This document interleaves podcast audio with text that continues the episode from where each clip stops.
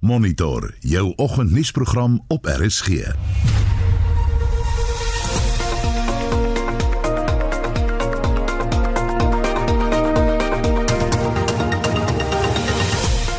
ons program ons ondersoek berigte dat China beheer wil oorneem van Kenia se hawe stad Mombasa as betaling vir infrastruktuur wat hulle gebou het. Daar word voorspel dat mense teen 2050 sal ophou rook. Mense kan net eenvoudig kyk na die statistieke in Suid-Afrika byvoorbeeld, hoeveel mense rook in Suid-Afrika, hoeveel nie mense begin te rook in Suid-Afrika en wêreldwyd. En as jy twyfel nie dat daar sekerlike veranderinge is wat hierdie tipe van wat die rooktendens aanbetref. En ons besoek 'n veilige hawe vir papegaaie in Johannesburg. 80% of the birds in our care has come from abused, abandoned, neglected situations. They come in naked, they come in mutilators. Some of them have got disabilities. We teach them independence as well, and we give them a much better life. Goeiemôre, ek is Gustaf Greiling. En my naam is Anita Visser. Daar is geen verkeer. In Kaapstad druk verkeer op die N2 inwaarts. Dis by eh, Jakes Gerwel en daar's vertragings in daardie omgewing. As ons verder kyk, daar was 'n gro groot botsing gewees in die Edenvale omgewing, weet nie presies waar nie, maar daar dit was noodlottig geweest en dit lyk taamlik erg daar. Dit was vroeër geweest vanoggend. In Pennyville verkeersligte buitewerking, daar's heelwat natuurlik as gevolg van die beurtkrag 'n verkeersligte buitewerking vanoggend. Daar's ook mis gewees vroegoggend in KwaZulu-Natal by N3 Wes, daar by Camperdown se omgewing, maar die mis lig soos wat die son opkom. Bramfontein staan 'n voertuig op die M1 Noord net voor Kaarstraat en dit is stadige verkeer daar uh, op die M1 vanmôre as gevolg daarvan. As jy weet van enigiets anders op enigiets anders afkom, ehm um, val as jy daar in Bedford View se omgewing ry, ja, die R24 gaan stadig daardeur. Stuur vir ons 'n SMS 45889 en dit kos R1.50 elk. Die reisigersweer is uitgereik deur die Suid-Afrikaanse Weerdiens met 'n geel vlak 2 waarskuwing. Ewige donderbuie met gepaardgaande suidwestewind en neerslae word verwag in die noorde van KwaZulu-Natal. Dit kan lei tot plaaslike oorstromings van vatbare paaie en lagliggende brûe en lagliggende gebiede dan. Die voorspelling vandag in Gauteng is gedeeltelik bewolk met enkele buie en donderbuie in die namiddag, dis in die noorde, 26 in Pretoria en dan in die suide van die provinsie ook gedeeltelik bewolk. Dit word bewolk later heeltemal met enkele buie en donderbuie vanaf die laat oggend reeds. 24 in Johannesburg en 23 in Vereniging dan. Die laafveld van Mpumalanga en Limpopo is gedeeltelik bewolk met verspreide buie en donderbuie, 28 in Bombela, 26 in Polokwane. Dan kyk ons verder na die Noordwes provinsie en daar is dit mooi weer aanvanklik in Mahikeng, andersins gedeeltelik bewolk met verspreide buie en donderbuie, 28 in Mahikeng en 29 vandag in Vryburg. Die Vrystaat in die Noord-Kaap is bewolk in die oggend, andersins gedeeltelik bewolk met enkele buie en donderbuie 28 in Bloemfontein en 29 in Kimberley. Dis 34 in Appington waar dit net mooi weer gaan wees later in die middag dalk effens bewolk, so gedeeltelik bewolk later in Appington. Die Wes-Kaap en Kaapstad gedeeltelik bewolk. Dit word bewolk teen die aand. Die wind is matig noordwes en hy word suidwes teen die namiddag. 24 vandag in Kaapstad en in George bewolk in die oggend en in die aand, maar deur die loop van die dag is dit mooi weer. Die wind is lig en veranderlik en dit word matig suidwes teen die aand 25 in George. Die Oos-Kaap is bewolk maar mooi weer in die namiddag in Port Elizabeth met 'n matige tot taamlik sterk noordoostewind en 26 daar. Oos-London gedeeltelik bewolk met ligte reën in die oggend, ligte tot matige noordoostewind, taamlik sterk teen die namiddag 26 ook in Oos-London. En dan in KwaZulu-Natal aan die kus gedeeltelik bewolk maar bewolk met tye met verspreide buie en donderbuie. Die wind is daar matig oos tot suidoos, 26 in Durban en 27 in Richards Bay en Pietermaritzburg gedeeltelik bewolk met die oggendmiskodde, soos ons nou gehoor het. Andersins bewolk met verspreide buie en donderbuie. 26 vandag in Pietermaritzburg. En is dan die reisigers weer uitgereik deur die Suid-Afrikaanse Weerdiens vir nog inligting kan jy 'n draai gaan maak op die weerdiens se webwerf dis weathersa.co.za.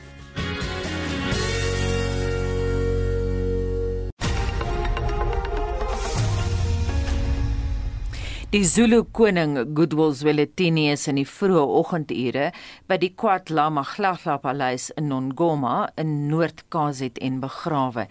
Essie de Klerk het al die besonderhede.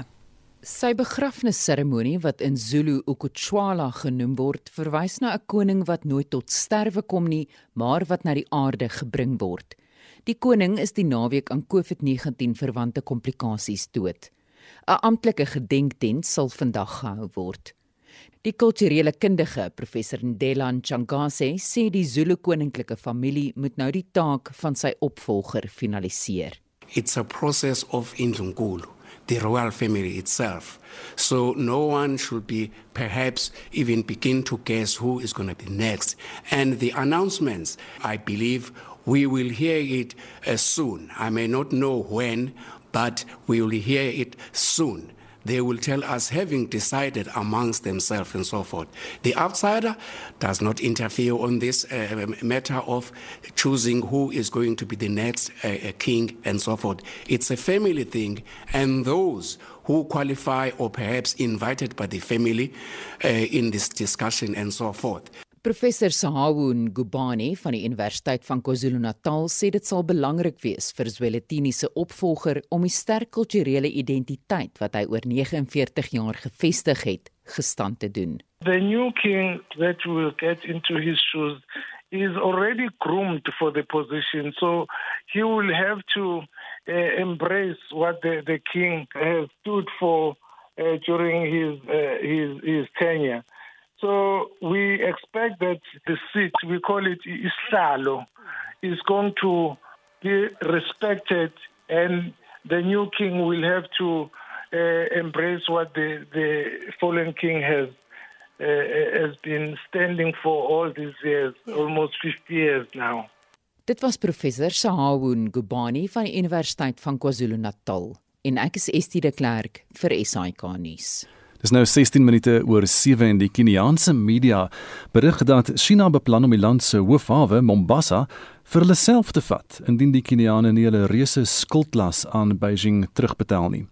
Kenia het meer as 3 miljard Amerikaanse dollar by China geleen om 'n 472 km lange spoorlyn te bou. Dat die koste daarvan is egter 4 keer meer as die internasionale standaard. Boonop is die huidige koste nie minder nie as 4 keer meer as wat die Chinese aanvanklik vir die werk gekwoteer het. Intussen waarsku politieke ontleeders dat Beijing se modus operandi nou 'n tendens geword het. Maar wat sê Suid-Afrika se ontleeders? Ons praat veraloggend met die dekaan van sosiale innovasie by die Huguenot College, dis nou Wellington professor Erwin Schwella. Goeiemôre. Goeiemôre. En dan praat ons ook met professor Antoni van Nieuwkerk van Wits Universiteit se skool vir regeringskunde hier in Johannesburg. Môre Antoni. Uh, Goeiemôre Anita. Kom ons begin Kom ons begin by jou Erwin. Alhoewel Kenia se minister van finansies Ukuriatani nou die berigte ontken, waarsku ontleeders dat die Chinese dit alwel elders gedoen het en Sri Lanka word genoem as 'n voorbeeld. Dat is reg, die Chinese het eintlik 'n 'n langer termyn beleid aanvaar uh, die beleid uh, word genoem die Belt and Road Initiative wat op 'n of ander manier 'n uh, streke skep en dan infrastruktuur bou binne daai streke en op die wyse 'n soort van 'n geleentheid vir die Chinese gee om te help maar te help ook met hulle eie belange gedagte.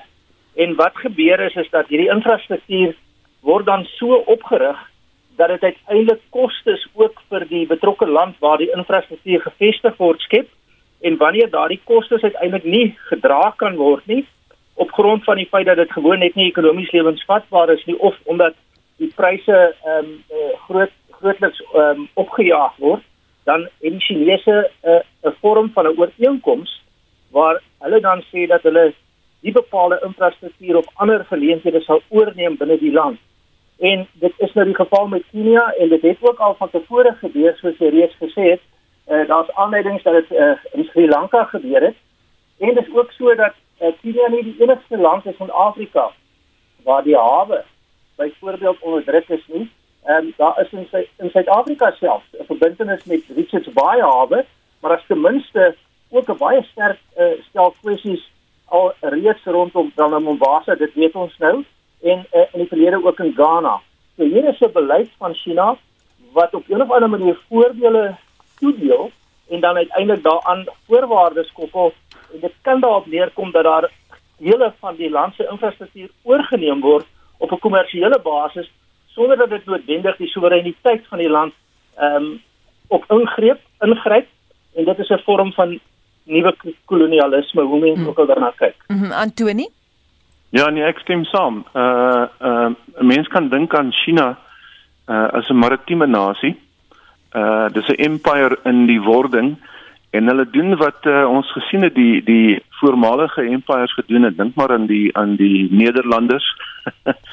uh die Britte, die Portugese, die Spanjaarde, daar's 'n lys van van lande wat op op 'n tyd uh, ge, uh handels uh ban uh, uh, uh staat gemaak het op handel om te groei en dan uh uh het die see so 'n belangrike uh, uh rol gespeel in hawens as 'n maritieme nasie en uh die Chinese het hierdie spesifieke projek wat 'n ongelooflike uh, ambisieuse projek is om hulle self te vestig as die as die wêreld se voorste handelsvernoot en uh dis hierdie belt en en uh hoe noem jy dit Erwin? Belt, belt en belt en pad inisiatief. Ehm um, dis die antieke silkroete ehm um, wat hulle gebruik om om uh, produkte te vervoer tussen die ooste en Europa. Maar hulle brei dit nou net 'n bietjie uit en hulle doen wat die voormalige koloniale uh, moonthede ook gedoen het is ehm um, wel die enigste verskil dalk is uh, soos Erwin genoem het 'n uh, land se soewereiniteit word nie noodwendig aangetast nie. So hulle gebruik maak op er, uh ekonomiese en kapitalistiese metodes uh om die situasie uit te byt as ware. En ek dink ehm um, jy kan kyk dit na die hierdie inisiatief van die Chinese om hulself te vestig uh as so so 'n empire. Dan toe het ek agtergekom dat omtrent 40 verskillende hawens geteken in die afgelope paar jaar waar hulle hierdie ooreenkomste aangaan maar waar die land uh uh soos byvoorbeeld Griekeland se ekonomie dit nie toelaat om hierdie ambisieuse projek uh te bekostig nie en dan in die Chinese oor en voor jou oë uitvee uh, sit hulle hier by jou en uh gebruik jou infrastruktuur vir hulle tot hulle eie voordeel. Erwin, natuurlik baie nader aan ons. Jy moniteer gebeure in Namibië en ek weet as mens daar in Windhoek staan dan sien jy al hierdie monumente en museums in die State House wat definitief lyk asof dit deur Chinese gebou is. Hoe gaan dit daar? Hoe erg is hulle daar ingegrawe om dit so te sê? Ja, ek het eh, 'n uh, baie lang verbintenis met uh, Namibië en en en die regeerinstellings van Namibië omdat ek um, senior staatsamptenare in Namibië opgelei het. En dit is eintlik 'n dubbelsinnige situasie. As jy met mense praat um, uh, op 'n vertroulike basis, dan kry jy een boodskap dat daar wel 'n besef is dat hier 'n strategie is wat aan die uitspeel is wat die Chinese waarskynlik gaan bevoordeel. Terselfdertyd, um, in die Namibiese situasie is Walvis Bay min of meer in dieselfde posisie en is dit uh, deurgedruk deur president Harve Geingob en die en die regering in die laaste jaar of twee. Ehm um, en daar is aanduidings die die die die die pad tussen Windhoek en Swakopmund is vir die Chinese gebou. Wat ook interessant is is uh, is 'n deel van hierdie strategie. Ehm um, skep die Chinese by die leierskap 'n groot uh, uh, vertroue deurdat hulle byvoorbeeld veral staatsgeboue en selfs presidensiële uh, behuising bou en op die wyse kry hulle direkte toegang um, en dan die verdere infrastruktuur uh, is dan paaie en dan uiteindelik hawens. En die hawens is 'n interessante een want die die die die wetskrif van die van die eh uh, Chinese uh, Republiek van 2015 het 'n baie sterk standpunt ingeneem wat sê dat die langtermynse stabiliteit en volhoubare ontwikkeling van die staat China eh uh, hang af van die leer oor die oseane. So in Namibië is daar baie aanduidings eh uh, daar's 'n daar's 'n besondere militêre akademie ook gebou deur die Chinese eh uh, in in in eh uh, Okania. Ehm um, en uh, al die bedrywighede en soos ek sê daar's 'n dubbelsinnigheid.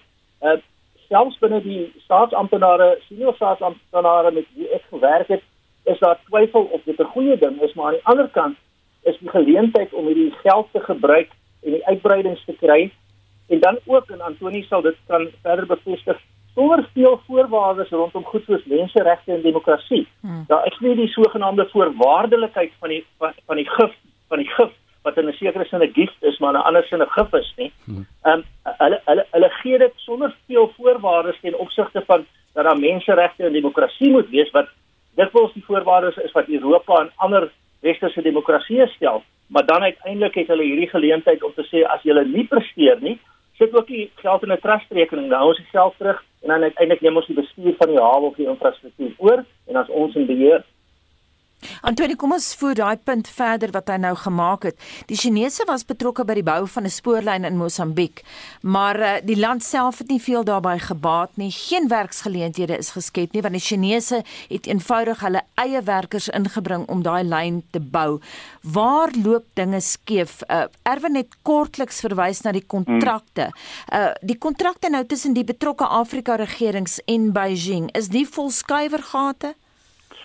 Ja, so so ons ons ons verstaan net dat die Chinese is hierdie ehm um, maritieme nasie. Hulle hulle hulle maak uh, uh gebruik van hulle ekonomiese mag en politieke mag om 'n infrastruktuur uh, te vestig internasionaal wat tot hulle eie voordeel strek en toe hulle as dit nou by Afrika kom, dis dan nie ek moet sê, jy weet op die diplomatieke vlak het ons nou al gesien dat daar 'n paar geleenthede was waar die Afrika ons Afrika leiers en die Chinese leierskap by bymekaar kom vergader nou is nou voor Covid.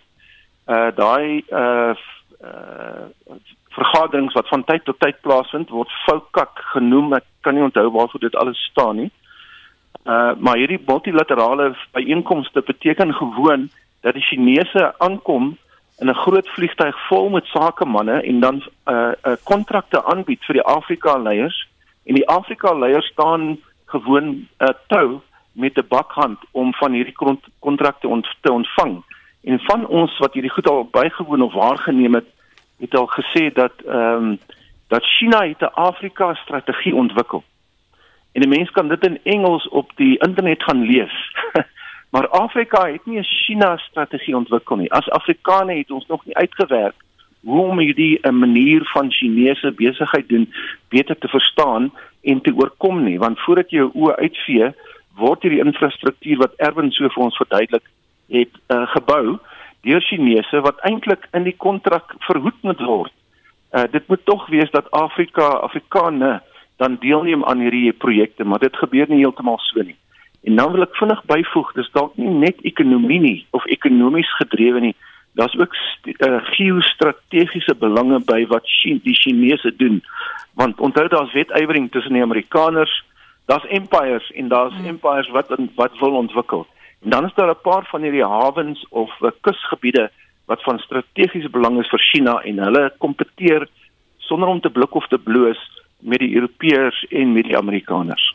Erwin, daar's 'n hele paar ander Afrika lande waar ook dinge gebeur. Hulle het toerusting vir die Zimbabwe se intelligensiediens verskaf. Die Afrika Unie se hoofgebou daar in Addis Ababa is gebou en dieselfde het gebeur ook in Malawi. Hoe groot is die invloed in die res van Afrika op? Dis baie groot en groeiend.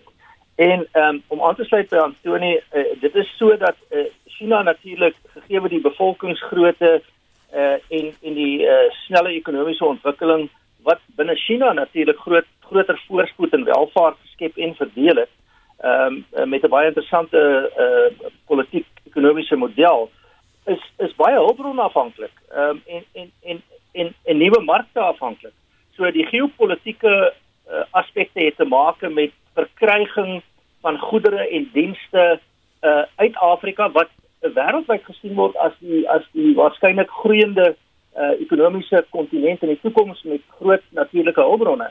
So die Chinese is met 'n baie doelbewuste strategie besig om hulle self te vestig om hierdie uh lyne van van invoer en en verkryging sterk te maak en om invloed te vestig.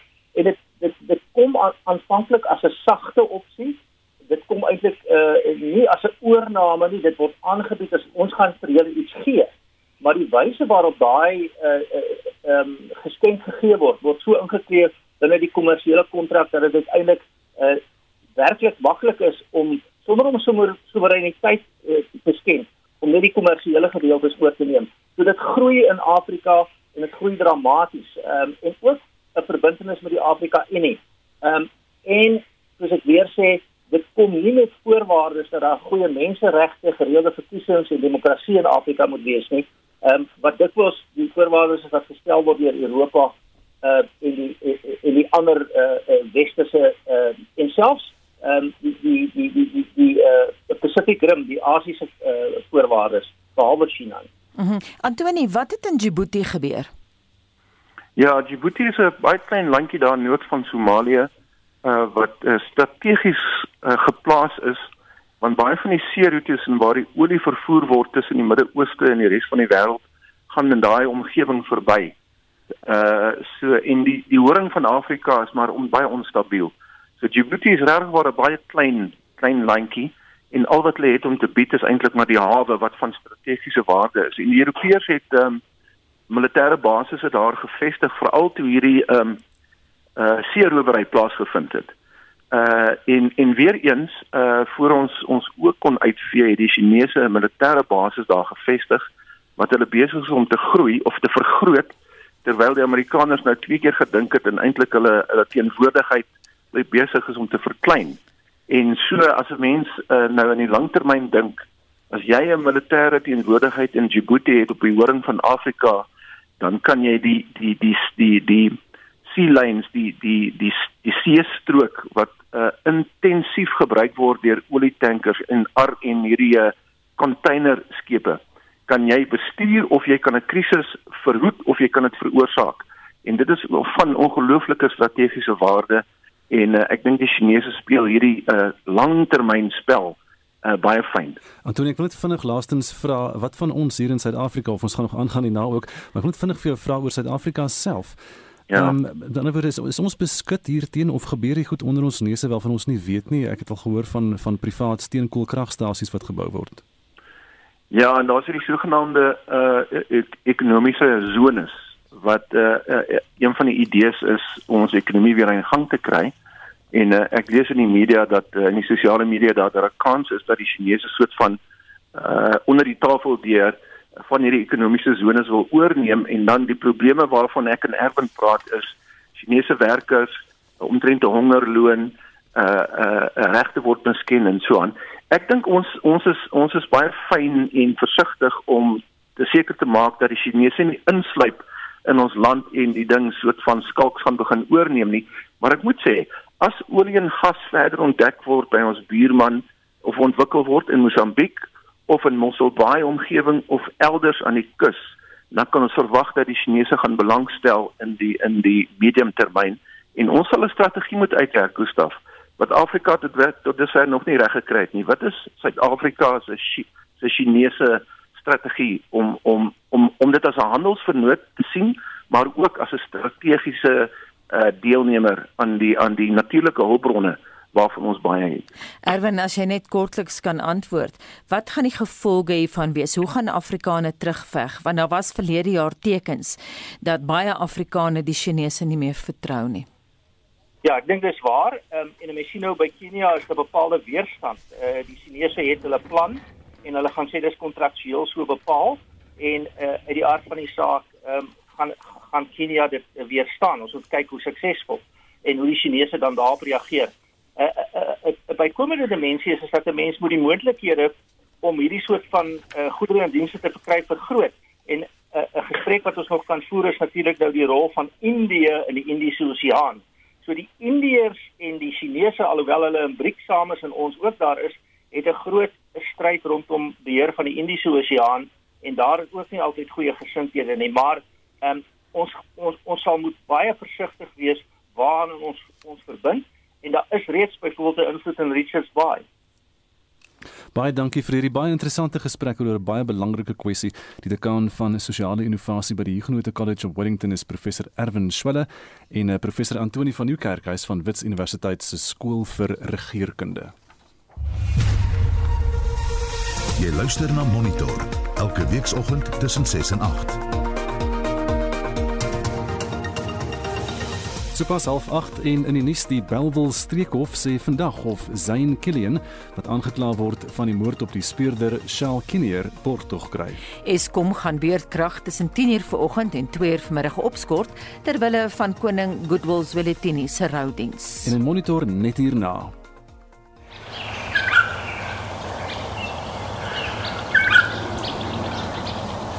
Australiese wetenskaplikes leer bedreigde voëls hoe om te sing. En ons bring hulde aan twee boebaas lugmagvlieëniers wat gister gesterf het. Major General Des Barker could be described as one of the great test pilots in the world. Colonel Rama Aya, on the other hand, was the vampire display pilot during the museum shows. He had served in three different air forces. Bly ingeskakel. Daar is geen verkeer. As 'n kettingbotsing is op die N1 noordwaarts hier in Gauteng net na Gordonweg en twee van die regterbane daar is versper. Ek sien baie stadige verkeer daar by Gordonweg op die N1 noordsterkte as jy daar moet ry vanoggend.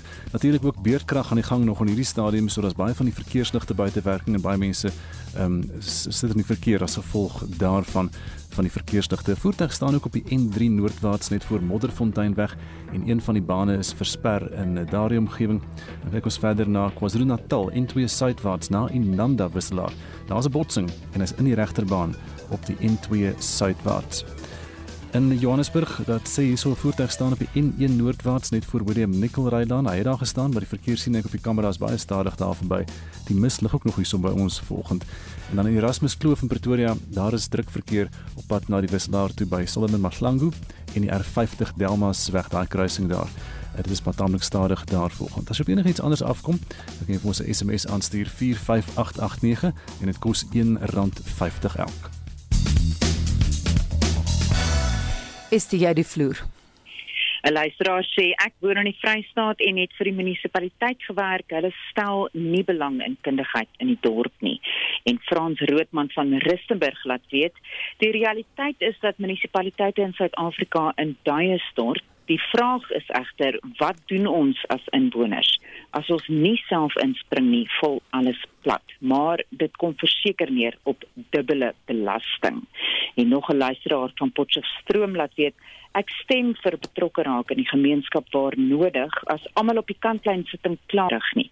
Inspring en help is tot my voordeel en verbeter dorpsinfrastruktuur.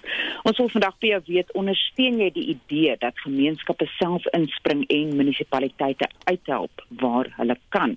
En sou jy deelneem aan so 'n inisiatief in jou eie gemeenskap? Stuur vir ons 'n SMS na 45889. Onthou dit kos R1.50. Gesels saam op Monitor en Spectrum se Facebookblad of 'n WhatsApp vir ons stemnota na 076 536 69 61 ek is net so voor ag terug met nog van jou terugvoer. In ons gebruikelike samevatting van buitelandse nuusgebeure, begin ons vanoggend uh, met nuus uit Tansanië waar president John Magufuli aan hartkomplikasies dood is. Heinrich het vir ons al die agtergrond daar. Anita die Tansaniese staatshoof was maar 61 jaar oud en hoewel probleme met sy hart as amptelike rede vir sy dood deur sy adjunk aangedui is, het die oppositie vroeër beweer hy het COVID-19 opgedoen. Dit is egter nie bevestig nie wat wel bekend is is dat Magufuli een van Afrika se vernaamste koronavirus skeptisie was en onder meer gebed en kruie stoomterapie as 'n teenmiddel vir die virus verkondig het. Adjunk president Samia Suluhu Hassan het 'n rouperiode van 14 dae aangekondig en sy sal nou as president ingesweer word om die res van Magufuli se termyn wat verlede jaar begin het uit te dien in so berig die BBC.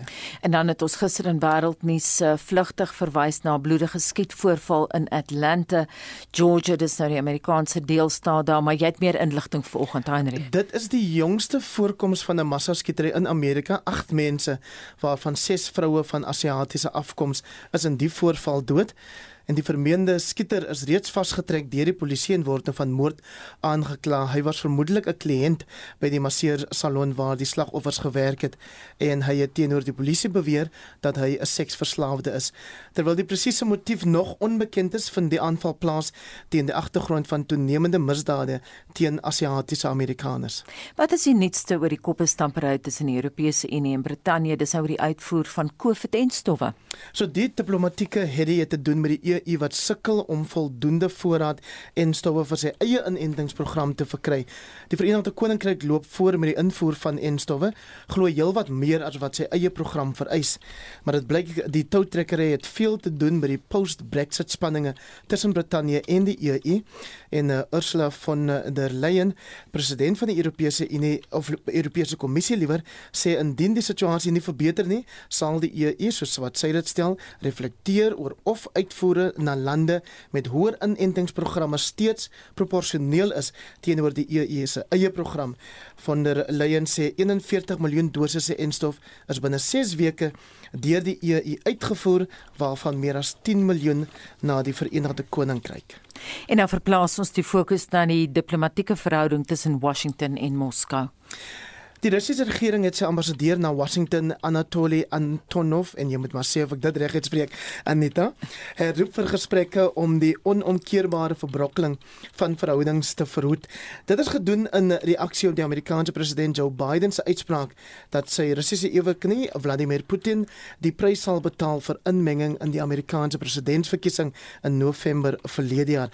Nou Biden se voorganger, Donald Trump, het 'n baie vriendelike verhouding met Putin gehandhaaf, maar die huidige president het nou in 'n onderhoud met ABC News sover gegaan as om na Putin as 'n moordenaar te verwys. En dan baie interessante nuus, 'n brokkie oor voortplanting in tye van pandemies. Interessant sê jy, dit ja. het nou aan die lig gekom dat terwyl mense dalk sou dink die inperkingsmaatreëls dit wat mense binne huis gehou het vir so lank sal 'n toename in swangerskappe tot gevolg hê maar dit is toe nou nie die geval nie wys navorsing dat dui eerder daarop dat daar 'n afname in baba geboortes was. Die lande wat die swaarste getref is is Amerika en selfs erger in sekere dele van Europa. So ene Frederike van Duitsland aan die teenoor die BBC die erns van die saak beklemtoon toe sy gesê het sy wil baie graag met 'n gesin begin en dan haal hulle haar aan waar sy sê maar teen die tyd dat die pandemie verby is is ek heel moontlik reeds onvrugbaar. Ai tog. Nou dit was Hendrik met 'n samestelling en 'n samevatting van wêreldnuus gebeure. So 18 minute voordat ons kom by 8 uur in die Brainy Birds sentrum vir die beskerming van papegaaie in die Oosrand het die afgelope 2 maande 70 nuwe voëls ingeneem. Nou die fasiliteit sorg vir byna 400 papegaaie wat mishandel of weggegee is. Marlene Forsie berig die grootste rede hiervoor is dat mense die kleurvolle spesies oorhaastig aankoop en nie altyd weet hoe om vir hulle te sorg nie. Die stigter en eienaar van die sentrum, Die Hendriks, het Marinay op 'n toer geneem. 80% of the birds in our care has come from abused, abandoned, neglected situations. They come in naked, they come in mutilators. Some of them have got disabilities. We teach them independence as well, and we give them a much better life. Brownie Birds huisves meer as 300 voëls, veral African grey papegaaie. Right, this is our African grey room. That's our newbie. We're trying to teach him independence. He has no feet. He was dropped off in a box in our driveway. His feet was absolutely rotten, rotten, rotten.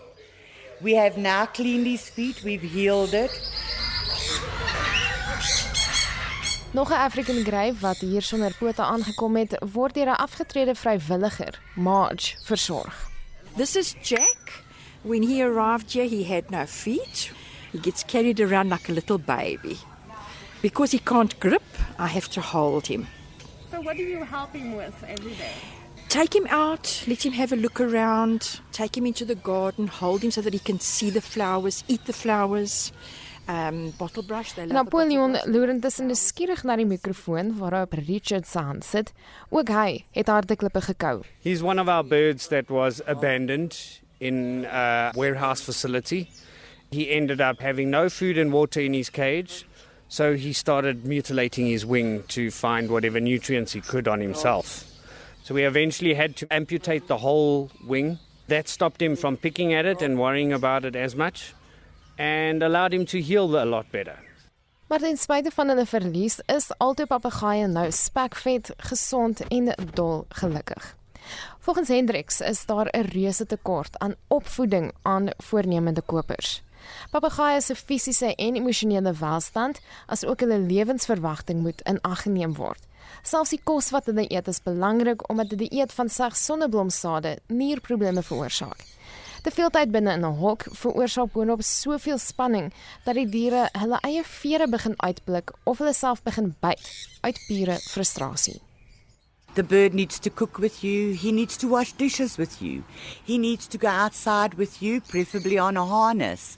If he's clipped, if it's the right time to clip, you take him out. He goes and works in the garden with you.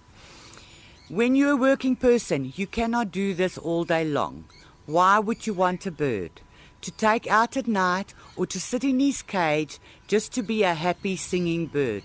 Those are the birds that become extremely frustrated, they start screaming, and that is when the trouble starts where birds get given up or rehomed over and over. Hiermee saam is sonlig baie belangrik. When we open the cages, they need to go and explore. They need to go down to the ground where they're going to eat the minerals that they need, that they do not get in captivity. So you let all of the birds just walk around here. Don't they fly away? I have a bird here that is 52 years old. He's been stuck in a cage all his life. He's been clipped all his life. That bird has no clue. He is fully flighted. He has flapped those wings. He has no idea he can fly. Some of the birds, yes, we do clip their wings, but that is when they're still under rehabilitation.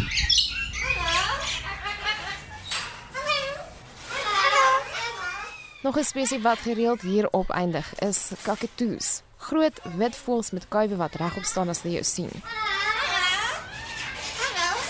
Maar vrywilliger Kiara sê min mense word voorberei op die geskal wanneer hulle aandag soek. Rio came in not too long ago, a few months ago.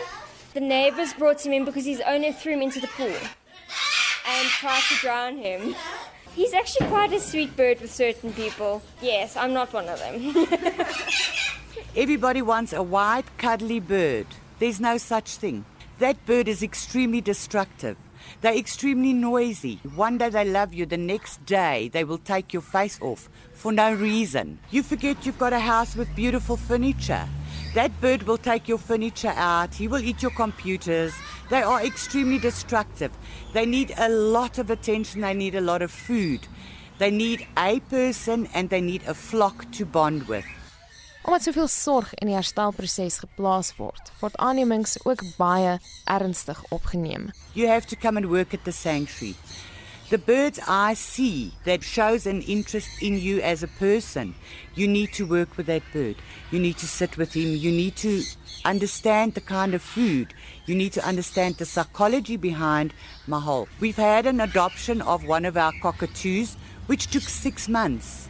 But let me tell you, it was the best home ever because the people were determined to give the bird that best home. Sy waarsku ook dat mens nie te vinnig aan jou 5-jarige se behoefte aan 'n gevlerkte speelmaat moet toegee nie. They don't bond with children easy because they run around, they play, they throw balls, they wear very bright clothes.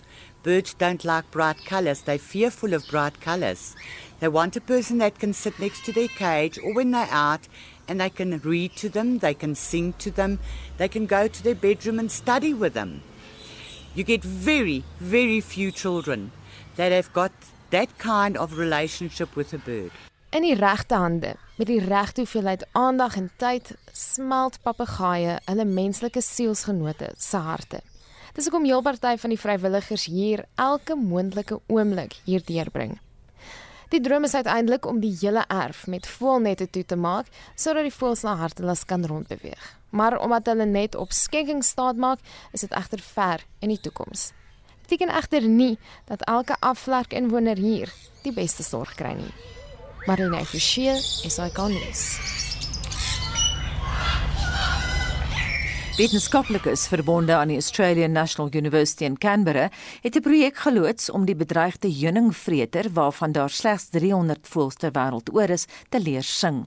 En ons praat nou verder hieroor met professor Henk Bouman van Noordwes Universiteit se departement dierkunde. Goeiemôre Henk. Goeiemôre Anita, Gustaf van luisteraars.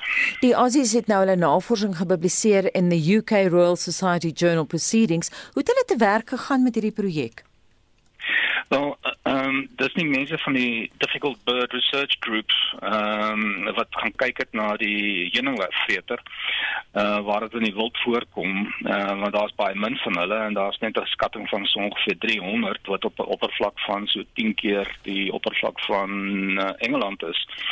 Ehm um, met ander woorde, die voëls is geweldig wyd versprei van mekaar af.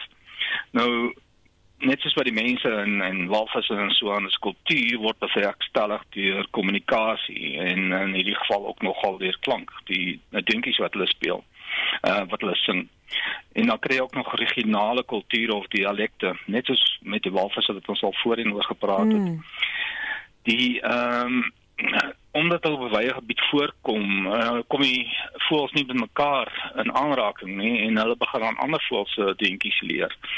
En as jy 'n mannetjie is wat wat wat nie die regte uh dingetjies sing nie, gaan 'n wyfie nou nie hy's in belang in jou belangstel nie en die voortplanting daar uh is ook besig om af te neem. Ehm um, want die wyfies erken dit nie eenvoudig nie die mannetjies nie of ou nie van hulle nie.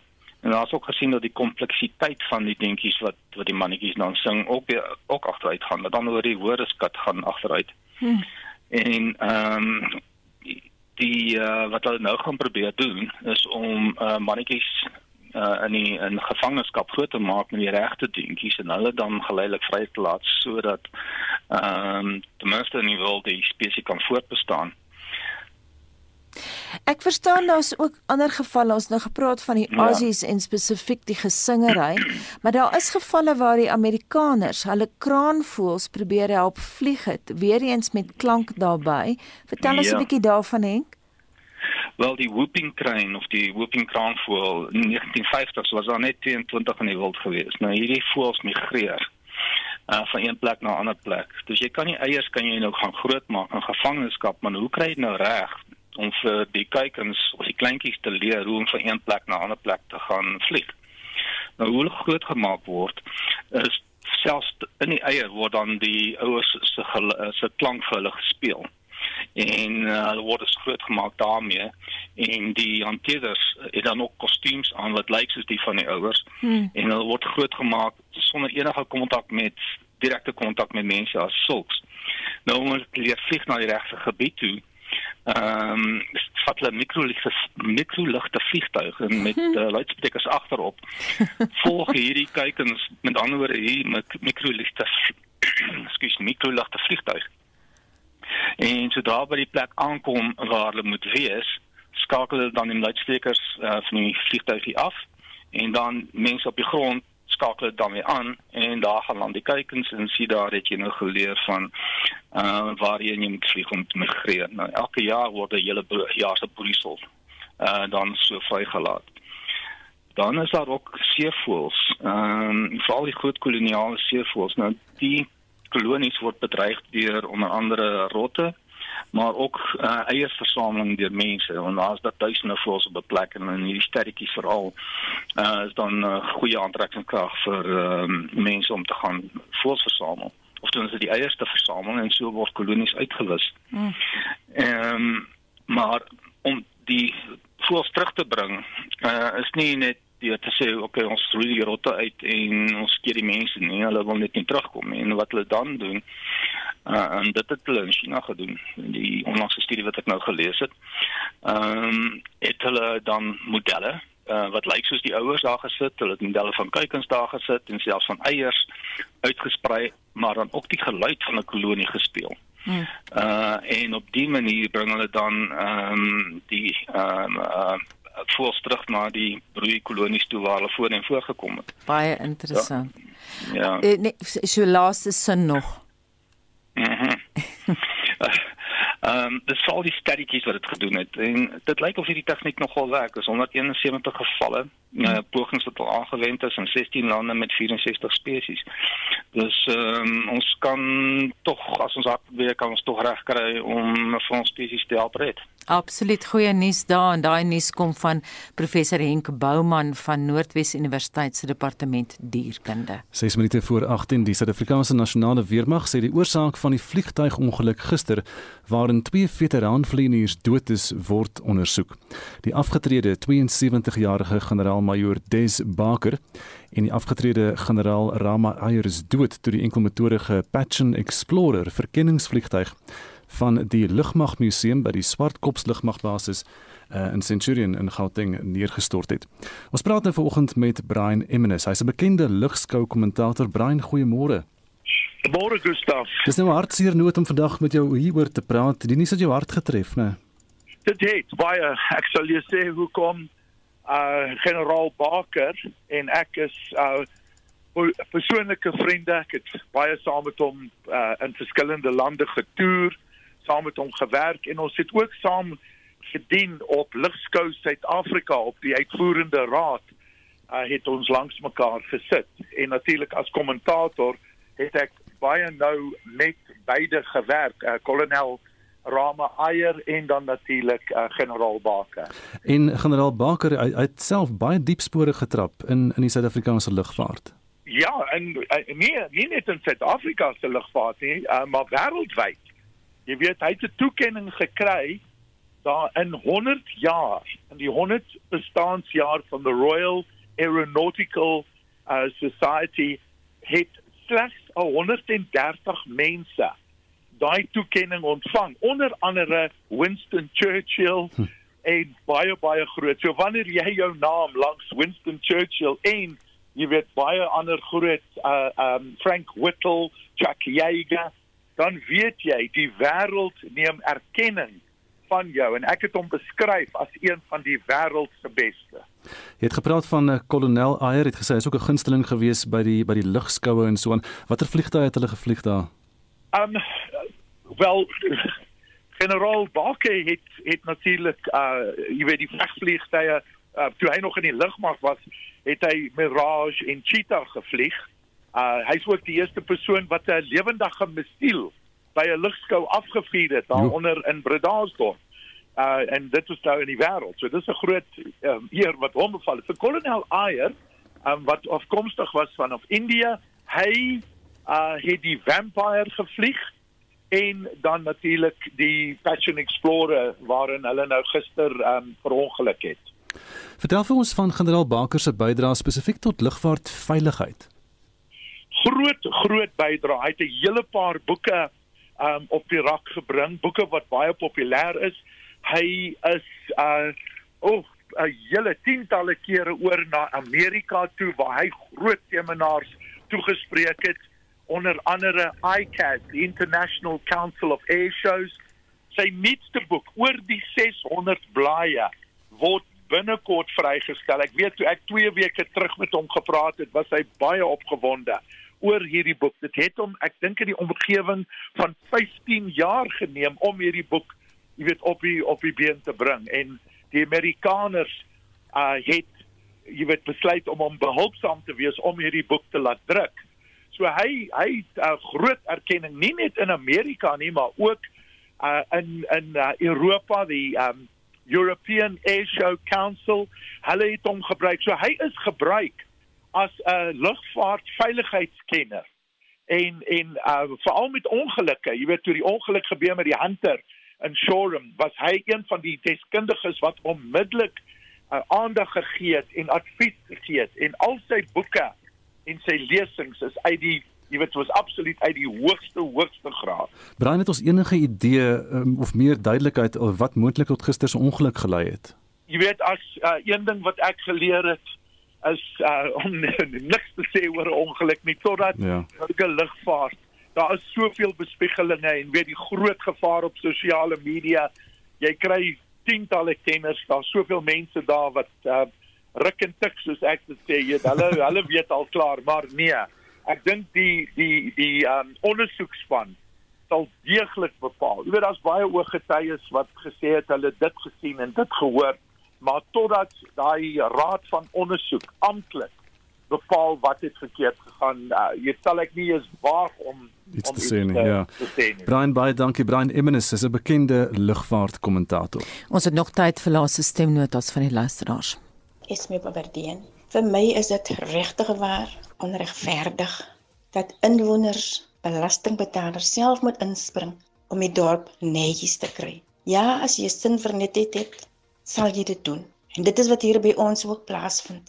Maar daar word mos geld bewillig en hulle moet mos sorg dat die dorp in stand gehou word. Nee, nee, ek glo nie dit is reg dat inwoners, belastingbetalers self hulle dorp moet netjies hou. Heinrich, wat is op die dagboek vir Spectrum later vanmiddag? So ons gaan aandag gee aan eh, die Zulu koning Zwelithini se roudiens waar president Cyril Ramaphosa sal praat en daarvoor het Eskom natuurlik beerdkrag opgeskort tussen 10 voormiddag en 2 namiddag en dan gaan ons ook um, met 'n Afrika kenner praat oor die dood van en die nalatenskap van die Tanzaniese president John Magufuli en ons gaan maak 'n draai in die Kaap waar die Fugard Theater gesluit het en praat met mense wat daar betrokke was. Ons groet namens ons waarnemende uitvoerende regisseur Wesop Pretorius, die man in die warm stoel vanoggend was Justin Kennerly, ons produksieregisseur Evert Snyman, my naam is Anita Visser. En ek is Gustaf Greiling.